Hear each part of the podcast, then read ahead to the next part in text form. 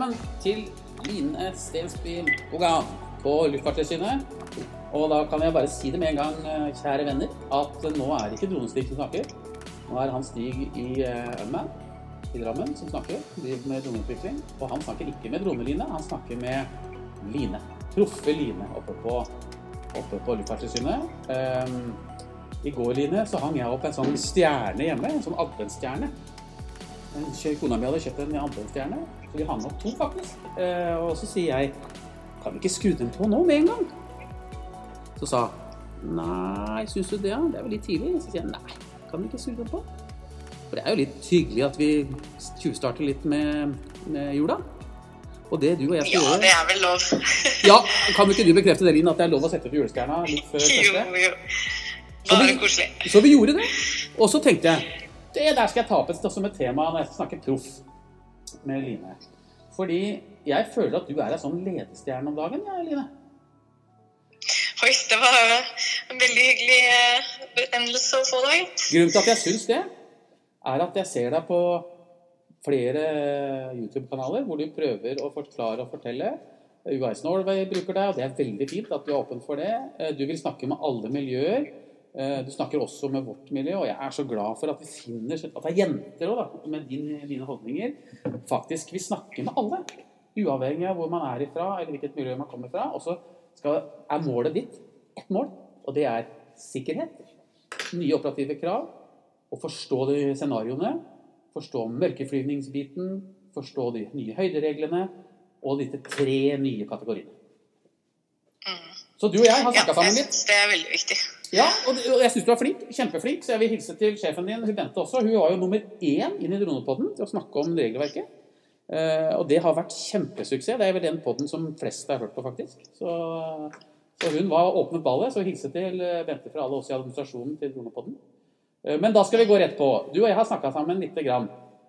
Og selv om dette er vanskelig med regelverket Jeg vil ikke si det er vanskelig. Det er vel egentlig snakk om å bare prøve også å være litt tydelig på hvor man skal sikte inn, og ikke se på dette som et svært, tungt regelverk, men kanskje finne noen veier inn da, som treffer mange. Og så kan vi heller diskutere med de detaljer på helt spesifikke ting, men, men apropos spesifikt. Det er med andre ord en åpen kategori som kommer nå etter første i første. Det er et spesifikk kategori som kommer, som du og jeg skal ha som tema igjen nå. Det er dette med sertifiserte kategori, det er dette med MTOM, det er dette med hva gjør man i disse datoer osv. Nå skal vi snakke proff, eh, Line.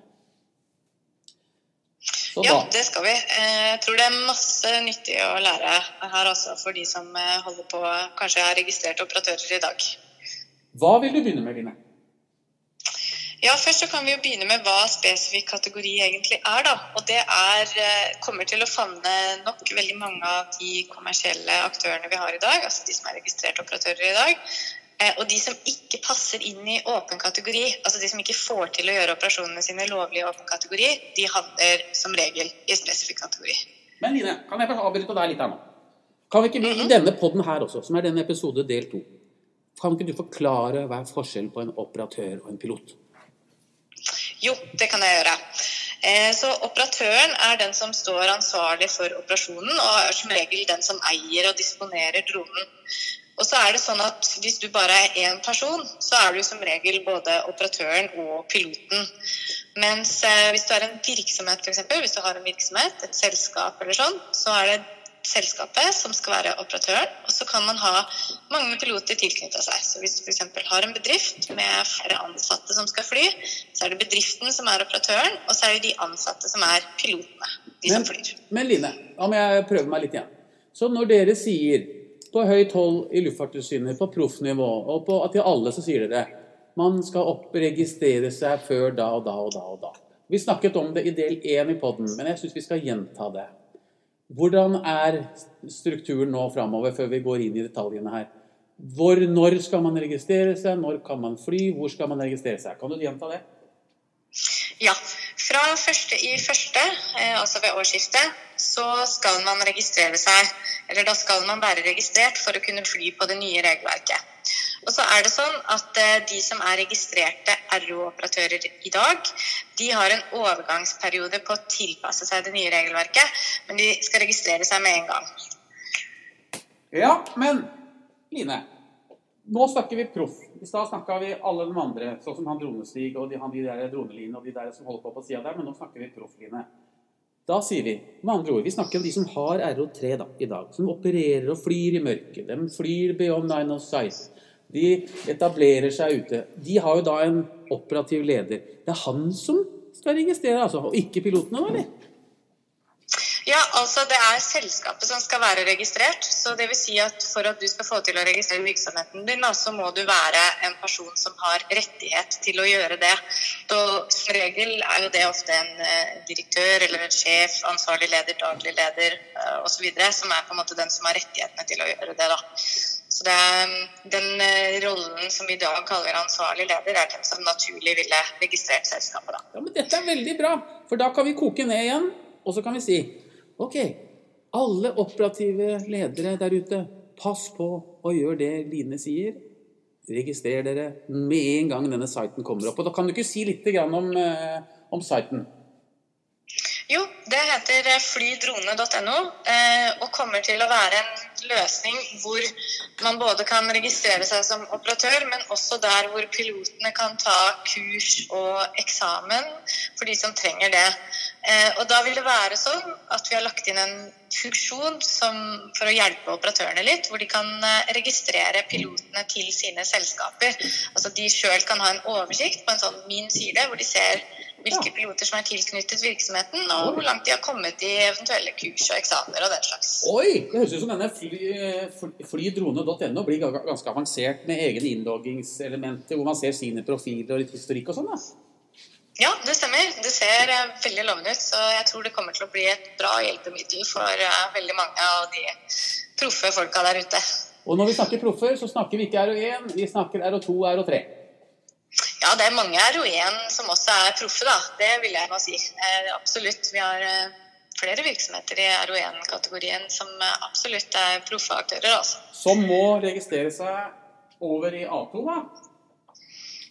Ja, eller i spesifikk kategori hvis de trenger det. Eh, det kommer litt an på hva de gjør. Jeg tror nok at veldig mange som er eh, RO1 i dag, kan eh, absolutt operere i åpen kategori. Det tror jeg nok. Men det er nok noen av de også som kanskje må, må inn i spesifikk, litt avhengig av hva de holder på med. Du, Nå må han Stig, han som flyr RO3, han må lære litt. For nå sa du RO1. Det er ikke det bare sånn Beyond Line of Sight og det gutta der, da? Ja, altså eh, RO1 i dag må jo holde seg innenfor eh, synsrekkevidde. og Det er derfor vi tror at veldig mange av de som er RO1-operatører i dag, eh, klarer seg i åpen kategori til neste år. Det er nok unntaksvis noen som kommer til å trenge trenge spesifikk kategori. F.eks. hvis de har en drone som veier mellom 2 kg og 2,5 kg, ja. så blir det kanskje litt begrenset hva du får til å gjøre i den åpen A3. da. Og da kanskje du må inn i spesifikk. Men ja, vi tror de aller aller fleste vil, vil klare seg fint i åpen kategori. Det vil med andre si at de 4000 RO1-registrerte eh, flyverne i dag, de eksisterer ikke etter 1.1.22, da, eller? Ja, både og. Det blir ikke helt rett å si. fordi at de har også denne eh, overgangsperioden eh, på et vis. Altså Du registrerer deg ved årsskiftet, og så hvis du da skal inn på åpen kategori, så da går du bare rett på det. Eh, men du har allikevel denne overgangsperioden hvor du kan fly på nasjonalt regelverk fordi du allerede er registrert som operatør. Eh, men for de aller aller fleste så vil det nok være det enkleste for dem å gå rett inn på åpen kategori hvis det åpen kategori passer for deg fra årsskiftet. Men de kan jo ikke det hvis de flyr, de de Belos? Nei, men det er det ingen har og en som skal gjøre heller, med mindre de har under 250 grams trone. Men, det, var eh, viktig, det, det var viktig å få sagt, skjønner jeg tror veldig mange er veldig på grensen der altså i dag når det gjelder å fly. Mm. Men Det kan nok hende, ja. Men da skal vi gå et steg videre. Nå skal vi gå over på noe annet som jeg planla å snakke om i denne seansen her, som er Proffen del 2. M-tom. Kan ikke du hjelpe oss litt i gang med M-tom, Line? Ja. Først så kan vi jo si hva entom er. da. Det er maksimal eh, takeoff-masse. Eller altså maksimale tillatte avgangsmasse, er det det uttrykket betyr. da. Um, og det er som regel en definert uh, vekt eller masse, da, eh, ikke vekt, men masse, som, som, eh, som regel er definert i manualverket til et luftfartøy. Eh, og det er den vekten man baserer seg på i, eh, i, regelverket, så sier man at eh, det er M-tom som gjelder, da.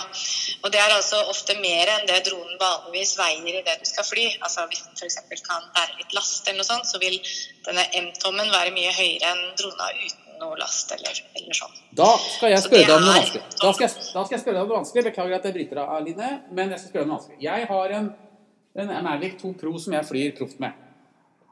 Den har jeg testa. Den kan fly 400 gram uten at den påvirker flytid. Hva da? Ja, um jeg vet ikke om den er definert i manualverket, men jeg tror for veldig mange av de litt lettere hyllevaredronene så er det ikke definert noen sånn M-tom, og da er M-tom et veldig så da er det vanskelig å vite hva er faktisk M-tom på denne dronen hvis det ikke er definert fra produsenten sin side. Og da eh, er vi nå litt sånn på den at vi må finne en pragmatisk tilnærming ja. til dette. Selvfremt fremt M-tom ikke er definert, da, så, så vil det nok komme noe veiledning etter hvert på hvilke hvilken vekt du egentlig skal forholde deg til. For de fleste så vil det være fornuftig å forholde seg til den faktiske vekta når du flyr, da. Vil det med andre å si, Men, um, vil det med andre å si hvis jeg har en mini Hvis jeg har en mini, beklager nå det, Hvis jeg har en mini, det har jeg, skjønner Den veier 2,49, og jeg veier den. Men når jeg setter på noen ja. kule klistremerker og sånn, så blir den eh, søren meg 2,51, den. Ja. Mavic Mini er jo en sånn drone som åpenbart har en M-tom som er høyere enn 250 gram. Eh, så der er det jo helt klart at den, den er, strengt tatt over 250 gram, eh, og må derfor egentlig følge de reglene som er eh, for 250 gram. Og det er slik regelverket er definert i dag. Så driver vi nå og jobber med å se på om man kan komme fram til en pragmatisk tilnærming til dette på de lettere vektklassene. F.eks. i Storbritannia så er det publisert en veiledning på akkurat det, at det er den reelle avgangsvekten som, som skal være gjeldende. Det har vi ikke i Norge enda, så i Norge så må vi foreløpig ta utgangspunkt i M-ton. Men eh, det er noe vi jobber med å se på om det går an å finne en mer pragmatisk tilnærming til akkurat det der med den avgangsvekten. Da. Nå skal vi over på bokstaver og tall. Er du god i algebra? Tja. Var du flink på algebra i skolen? Eh? Jeg kan vel ikke påstå at jeg har noe sånn mattegeni, akkurat. Nei, for nå skal vi over på A1 og 2, og de skal på C1 og B Jeg vet ikke hva vi ikke skal inn på. M2 Det er mye bokstaver her, Line? Ja, velkommen til luftfarten. Det er mye forkortelser og ja. Og så skal jeg si en ting som du og jeg snakka om før vi starta. Med en gang med en gang vi ikke har kontroll på drona, og vi kikker ned i instrumentene, ned i skjermen, ned i paden, ned i iPhone, ned i Android-telefonen, hva skjer da? Ja, det er jo sånn uh, at uh, når vi snakker om within line of sight, VELOS, eller altså det å ha innenfor synsrekkevidde, så mener vi at man skal kunne se dronen med det blotte øyet uten hjelpemidler uh, til enhver tid. Med det blotte øyet, du! Hallo! Med det blotte yes, øyet, hva i svarte er det? Kan du forklare meg hva det blotte øyet er? er vi, vi, er på profflinjen, vi er ikke på dronestig nå. Nå er vi på stig og line. Hva er det blotte øyet? Ja, nei, altså Du skal kunne se drona di når du flyr Velos eh, uten noen hjelpemidler. Eh, det vil si at eh, altså Briller og sånn selvfølgelig er tillatt, men, men, men du skal kunne oh! se dronen hva sa du nå? Briller? Briller? Ja, van, vanlige briller. Oh, ja, ja, ja, vanlige briller. Hvis du har synskorrigerende ting, så er det tillatt. Du skjønner at jeg har briller jeg, vet du, Line, hvor jeg kan se det istedenfor å se Jeg kan se både det jeg ser i instrumentene, i brillene og brillene samtidig. Hva da? Mm, ja, FPV, som det heter, First Person View, det er også tillatt faktisk i åpen kategori i det nye regelverket. Men da må du ha med deg en observatør som til enhver tid kan se drona uten hjelpemidler, og som står rett ved siden av deg. Sånn at eh, observatøren kan si til deg at oi, nå kommer det noen, nå må du lande, eller nå må du flytte deg, eller sånn. Mm. Du, det var gøy. fordi at eh, nå er vi litt over på FPV, og du vet at jeg har jobba med drone racing siden 2013. Vet du det, Line? Nei, det visste jeg ikke. Nei. Um, og jeg jobber mye med FPV i Norge. Jeg har FPV i Norge. Jeg har bygd noen droner som flyr nesten i 300 km i timen. Kult. Ja, og de driver Forsvaret og politiet og ser på noe som skal brukes til litt spennende ting. Men nok om det. Hva med det miljøet der, når de holder til på mine områder, da, og hva må vi passe på? Kan du ikke si, kan vi ikke, I og med at vi er på proff nå, for jeg syns de gutta er proffe, jeg syns ikke de gutta er på hobby. Kan du si litt om FPV-miljøet og racing og sånn, og hva vi må passe oss for der når det gjelder. Eh, de fleste som driver FPV eh, og sånn droneracing i dag, de kan operere i den kategorien åpen A3. For der har du mest eh, på en måte spillerom hva gjelder vekt og sånt. da. Og da er det FPV-reglene er sånn som jeg sa, du kan operere i åpen kategori, men du må ha en observatør som står ved siden av deg, som ser drona. Så, sånn sett må du allikevel på en måte være innenfor synsrekkevidde, da, for du må være innenfor synsrekkevidde av denne her, eh, observatøren din oh, ja, ja, ja. i kategori. Det er sånn du tenker, ja. For jeg tenker at du er ute av åpen med en gang du ikke ser drona med blotte øye, vet du. Ikke FPV med observatør. Okay. Men du kan altså ikke fly FPV alene eh, i åpen kategori. Det går ikke. Du, du, nå skal jeg komme med en kommentar. Jeg har en sånn notat ved siden av meg her som jeg har notert meg på. Jeg har testa den minien, jeg, Line. Hvor langt tror du jeg må ha minien unna meg? Og jeg er bestefar, jeg er nok det, og jeg bruker briller innimellom. Men, men vet du hvor langt unna jeg må gå med den eh, drona når vi har pilotkurs her i Drammen? Da har vi nemlig en, en, praktisk oppgave, og da går vi ut på plassen her, og så måler vi opp meterne bortover. og Så tar vi en sånn mini, og så går vi bortover. Hvor langt tror du vi går bortover, Line, før vi mister kontrollen på drona? På hvilken vei Jeg tipper at du ikke kan gå så langt. ja, Hvor langt tror du? Den er liten. Nei, jeg vet ikke. 30 meter? 50 meter? Du traff. Blink på 30. Ja. Hva da? Ja, da ser du ikke drona lenger. Da er du utafor. Men åssen blir dette med regelverket? Ja, nei, det er innenfor synsrekkevidde som er den dikterende. Så du kan ikke fly drona lenger vekk fra deg enn at du ikke ser den. Altså, du må se den til enhver tid, da i åpen kategori. Og det du sier På Velos så er det svært viktig, og i og med at vi driver skole her i Drammen, oppe i lærere på over 120 RO3-piloter i året Hør nå. Så er det viktig at på Velos så skal du se og ha kontroll på drona. Det går ikke på å se hvilken retning han står i, altså. Hva tenker du på da? Så du må fysisk se drona, ja? Men du, hvis du fysisk ser en prikk på himmelen, så ser jo ikke du om han står til høyre eller venstre. Ja, da. Ja, ja, det kan du si. Nei, du må jo ha kontroll på dronen. Eh, du må se den på en sånn måte at du har kontroll. Ja, yes. Men, det er et viktig poeng. altså. Det gjelder ja. uansett hvordan du flyr. Du skal alltid ha kontroll på flyvninga di. Alltid. Ja. Men husk på nå. Yes. Nå kommer folk fra jeg vil ikke nevne navn, en stor entreprenør i Norge og spør eh, ikke Dronestig, for han, eh, han driver og flyr sånne småklasser, men han Stig får spørsmål, skjønner du, og Unman-miljøet, skolemiljøet, får spørsmål. Skal vi kjøpe en sånn mini, eller, sier han. Hva skal jeg svare da? Nei, det må jo være opp til dem da, om eh, det passer for dem å bruke en eh, Mini. Jeg tror det er mange små droner der ute med gode kapasiteter. Vi kan jo ikke uttale oss om akkurat hvilken drone folk skal kjøpe. Det kan vi ikke. De må sjøl se på hva eh, de skal bruke dronen til, om det passer for dem, og så må de følge de reglene som gjelder for den drona de anskaffer seg. Nå syns jeg du snakker blomsterspråk, Eline, men du skal få slippe unna. Um, skal vi høre.